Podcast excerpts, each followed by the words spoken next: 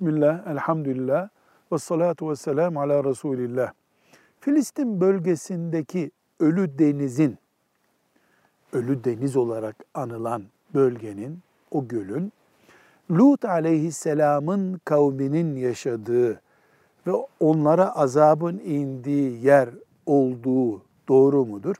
Evet, bu şekilde biliyoruz. Lut aleyhisselamın kavmi şimdiki Ölü Deniz diye anılan yerde yaşıyordu.